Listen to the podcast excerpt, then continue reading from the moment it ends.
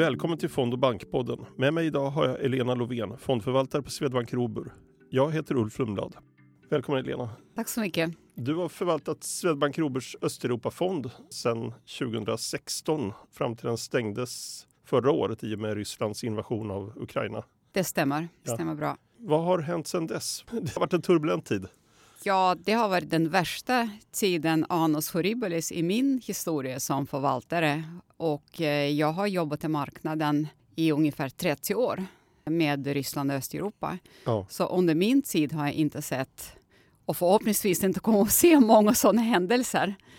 Det som hände var ju att när det där tragiska kriget bröt ut och eh, det följdes av häpnadsväckande sanktioner och restriktioner mot framförallt utländska investerare så var vi tvungna att värdera ner våra ryska innehav nära noll. Ja. Och då det eftersom marknaden har blivit stängd för utländska investerare och vi kunde inte få en tillförlitlig värdering. Och därför stängde vi våra fonder som hade betydande andel ryska innehav. Och det var ju Östeuropafonden och Rysslandsfonden. Just det. Det var ganska många sparare som blev drabbade av det här. Och det gick ju snabbt också.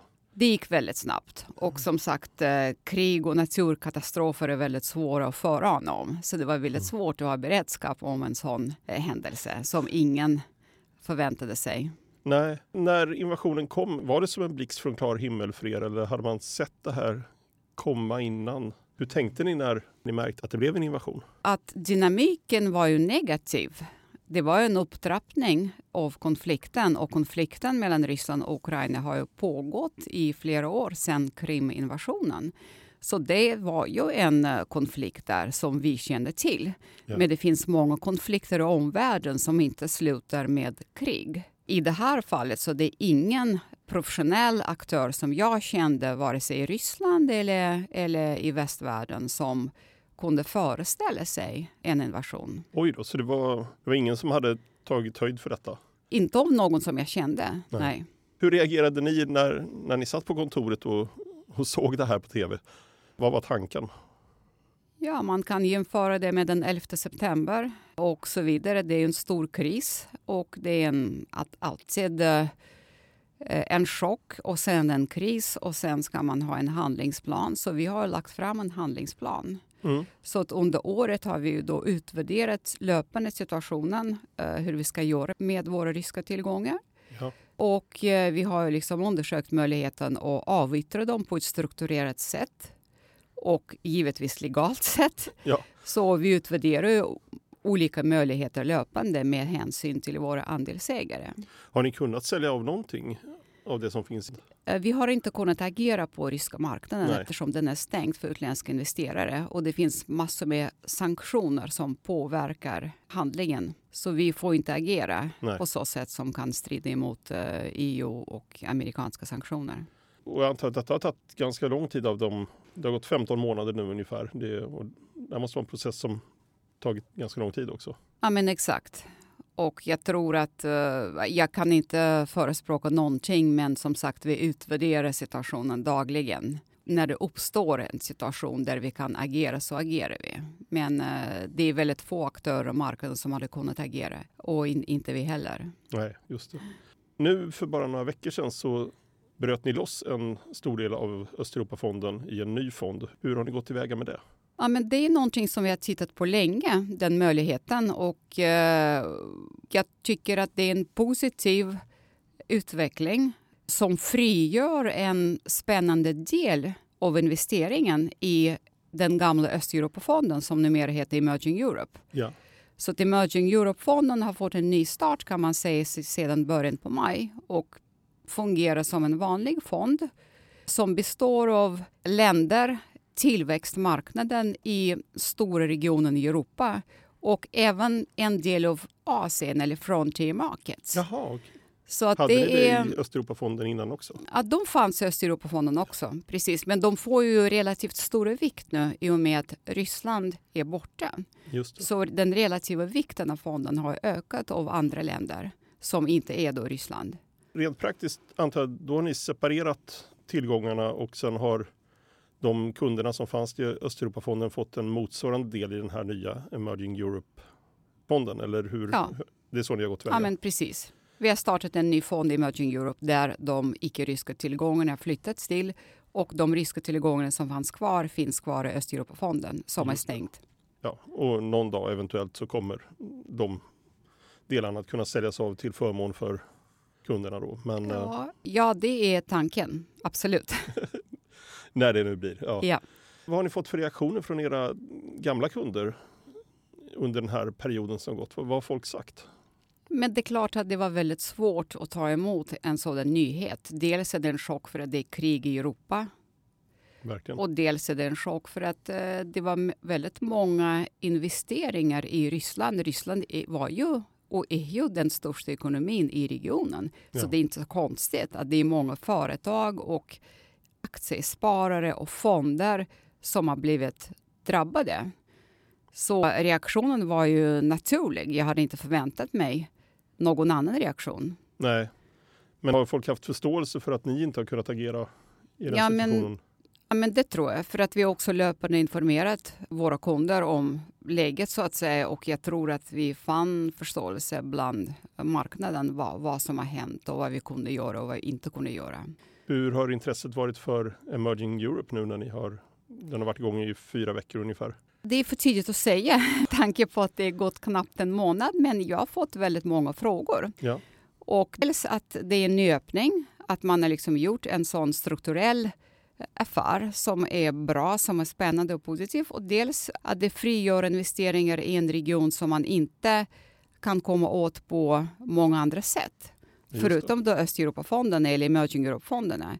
Men jag tror det krävs en liten tid för fonden att kunna, liksom, efter man har sjösatt den, och kunna liksom landa och bli känd och, och en, en viss prishistorik behöver vi också. Kan det också vara så att kunderna kanske tycker att det är, också när man exkluderar Ryssland och Belarus så är det en väldigt ostabil region just nu i och med kriget?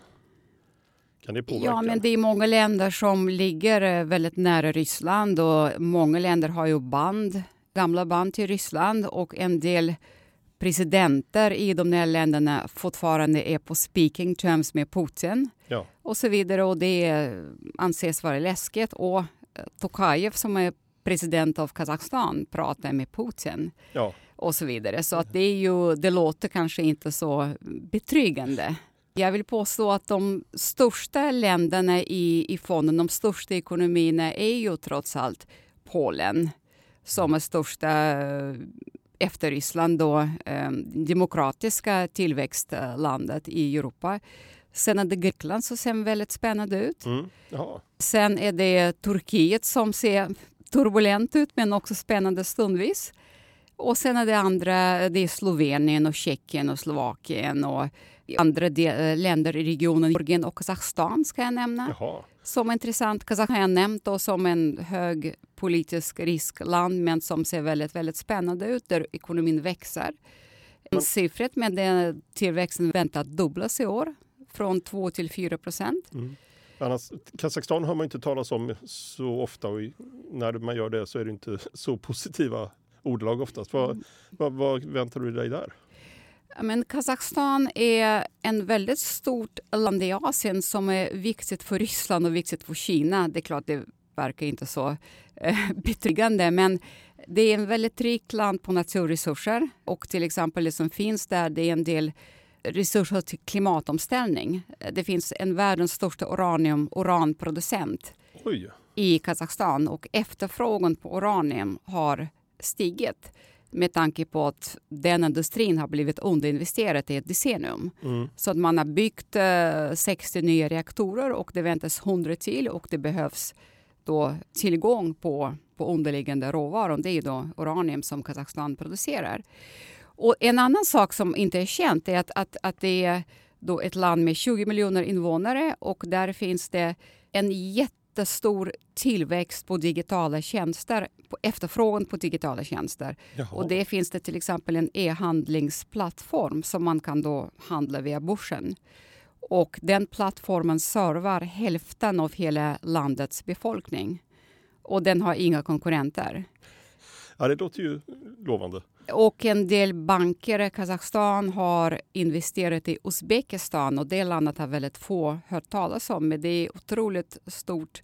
Det är ett litet ekonomi med en jättesnabb tillväxt och underpenetration. Där finns det efterfrågan på alla möjliga eh, tjänster. Hur gör du för att investera i de här länderna? Finns det en fungerande börs? Nej, det är mest private equity. Mm. Men man kan komma åt de där länderna då som, som jag pratar om via bolag som är noterade nu och det är framförallt bolagen då i ja, Ungern, Polen, då Kazakstan, Georgien som ja. också är ett investeringsland i min fond. Och de har då skaffat sig licenser i de länderna, framförallt i Uzbekistan. Och de länderna kommer man inte åt på ett publikt sätt. Man kan inte köpa aktier Nej. eller ETFer. Så det får man gå via bolag som är noterade. Just det. Det är också en väldigt stor bredd när man pratar Uzbekistan på ena sidan och sen Polen som är en numera stabil, eh, ja, stabil stor ekonomi i EU. Och sen om man jämför med Grekland och Turkiet som har varit ganska svaja när det kommer till statsekonomierna. Det, hur resonerar ni kring vad ni väljer bland de här? Det är ju det är otroligt brett. Precis, men eh, det som jag sa, den, de största ekonomierna i fonden i den här regionen är Polen nummer ett. Sen kommer Turkiet nummer två och sen kommer Grekland nummer tre. Och det är så de väger i jämförelseindex och det är ungefär så de väger, uh, ungefär så de väger i Polen. Det är den kärninnehav i, i fonden. Ja. Och sen så finns det lite som man säger cherry on the cake och det kan vara spännande investeringar i Kazakstan, i Georgien, i Slovenien till exempel som är enormt spännande ekonomi i de mindre europeiska länderna som Slovakien, som Kroatien. Det finns icke fungerande börs där, men man kan komma åt de länderna via investeringar i andra banker som jag sa, eller andra bolag som har gjort investeringar där. Hur ser du på Turkiet nu? För nu var det val i helgen och eh, det verkar som att marknaden inte reagerat jättepositivt på det. det. Hur ser du på framtiden där? Jag är såklart väldigt, väldigt besviken. Lite förvånad. Eh, eller sådär, jag har ju kanske för ett år sedan väntade mig det resultatet men sen kanske en, två veckor innan valet eh, när det hände när omallokeringen i rösterna och när en oppositionsledare har step back och eh, tillåtit oppositionspartiet att få fler röster så tänkte jag att det skulle bli en annan utgång. Ja.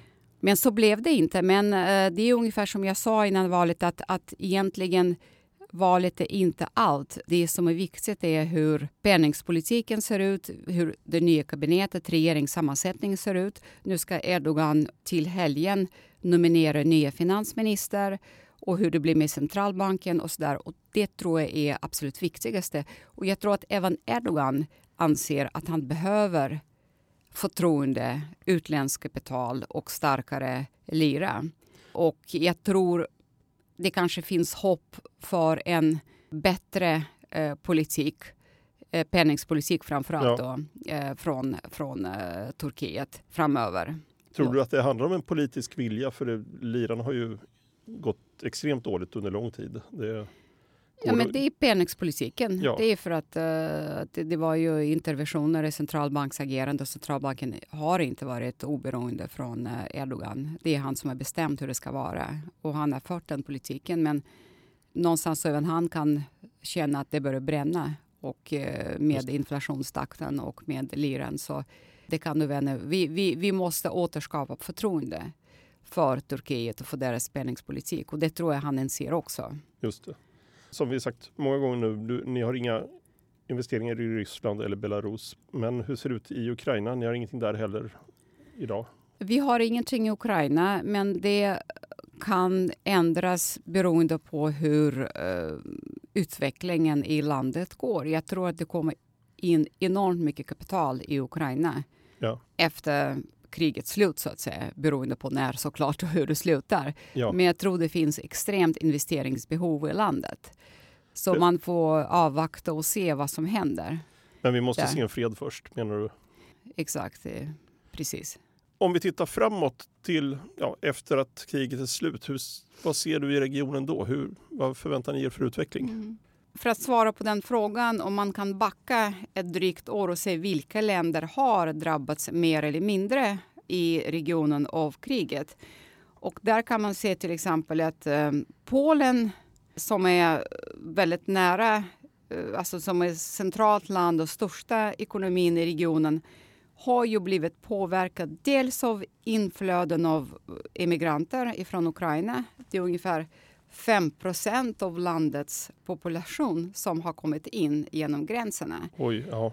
Men samtidigt har de skapat en större efterfrågan på bostäder, mat, konsumtion och så vidare. Så att den, den, den hade ju haft en, en, kan säga, en binär effekt på Polen.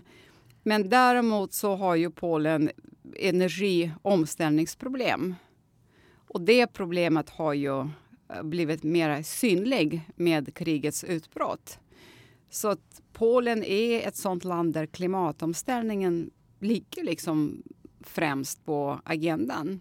Lite grann som i Tyskland.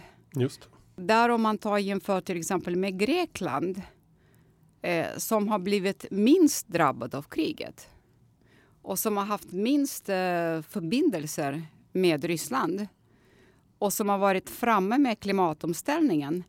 Det har påverkat dem, man kan inte säga positivt, men nettoeffekt var positivt eftersom det inte var negativt. Nej, just det. Grekland har fått mycket bidrag från EU för eh, klimatomställningen och det är nästan mellan 80 och 90 miljarder euro som landet får mellan 2021 och 2027 Oj. under det året. Och det bidrar till en strukturell efterfrågan på varor och tjänster och så vidare. Och det finns många klimatomställningsbolag där. Men de har inte haft ehm, um, stora band eh, med Ryssland och uh, om man, jag var ju där uh, efter krigets utbrott och jag kunde inte se på vilket sätt. De hade lite produktion i Ukraina, vissa bolag, men inte så mycket i Ryssland.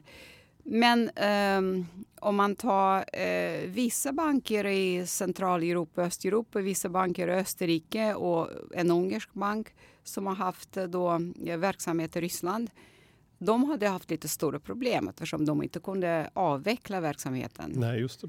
Så den problematik finns där. Och sen uh, ligger kanske Ungern lite prekärt till uh, med geopolitiskt så att säga med relationen med Ryssland och beroende av Ryssland samtidigt som landet vill utvecklas som en demokrati och växa sin ekonomi ja. så att säga. Så, eh, och sen så har ju vissa länder, Turkiet har ju gynnats eh, om man, kan få, om man får säga så av, av kriget för att de har fått mycket transporter via Turkiet som har blivit utebliven från Ryssland Just och ja, inflöde av kapital från Ryssland och inte minst Ukraina och immigranter och så vidare. Så att regionen kan säga att det, det man kan inte säga att det var väldigt, det var ju mycket påverkad men det var inte värst drabbat i Europa säger, jämfört med till exempel Tyskland eller Frankrike. Slutet av kriget blir ju givetvis bra för alla. Mm. Men där tror jag att Polen kanske kommer att stå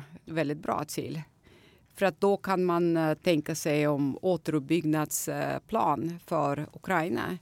Och då är det många bolag i Polen och, och runt omkring kommer att köa för att kunna investera och bidra Precis. till återuppbyggnaden. Ja, de måste ju ligga väldigt bra till.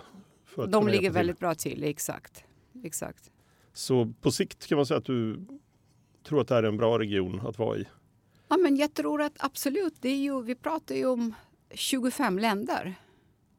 Det är ganska många. Ja, verkligen. På en, en geografisk yta som inte det är en hel, inte en hel kontinent, men det är väldigt heterogent gäng där som, som sitter där på den här kartan. De, de har inte mycket gemensamt, men det finns, om man pratar om hävstång, så finns det i många av de här länderna. Alltså spänna, en spännande utveckling. För att som jag sa, en underpenetration, starka demografiska trender, ekonomisk tillväxt. Länderna är inte så hårt belånade. De har starka budgetar, starka balanser. Just. Och de är alltså inte Ryssland de är inte 100% demokratier, men det finns mer eller mindre demokratiska regeringen på en skala i, i det här. Titta på Grekland, vad som har hänt sen eh, Greklands kris eh, för eh, drygt tio år sedan. Ja, de har kommit långt. De har kommit långt och de kommer att få um, investment grade eh, snart, Aha. tror jag, efter valet. Det var ett val i Grekland, så andra omgången är den 25 juni. Nya demokratin verkar vinna det här valet och jag tror att investment grade ligger bakom hörnet bara. Oj. Och det, det innebär lägre kapitalkostnader och det innebär inflöde av utländskt kapital i landet. Precis. Så Det- Grekland var ju inte investerbart för tio år sedan. Och titta vad som har hänt nu. Ja, men precis. Det, kan hända i Turkiet också. Man ska inte utesluta någonting. Inte Kanske lite för längre väg bara. Det. Nej, precis. Jättespännande. Stort tack Elena för att du ville komma hit och Tack för mig. ja, Mm. tack så mycket. Tack, tack. Du har lyssnat på Fond och bankpodden. Jag heter Ulf Lundblad, producent var Julia Sivert, ansvarig utgivare är Peter Fällman. Fond och bankpodden görs av Dagens Industri och Bonnier News. Tack för att du har lyssnat.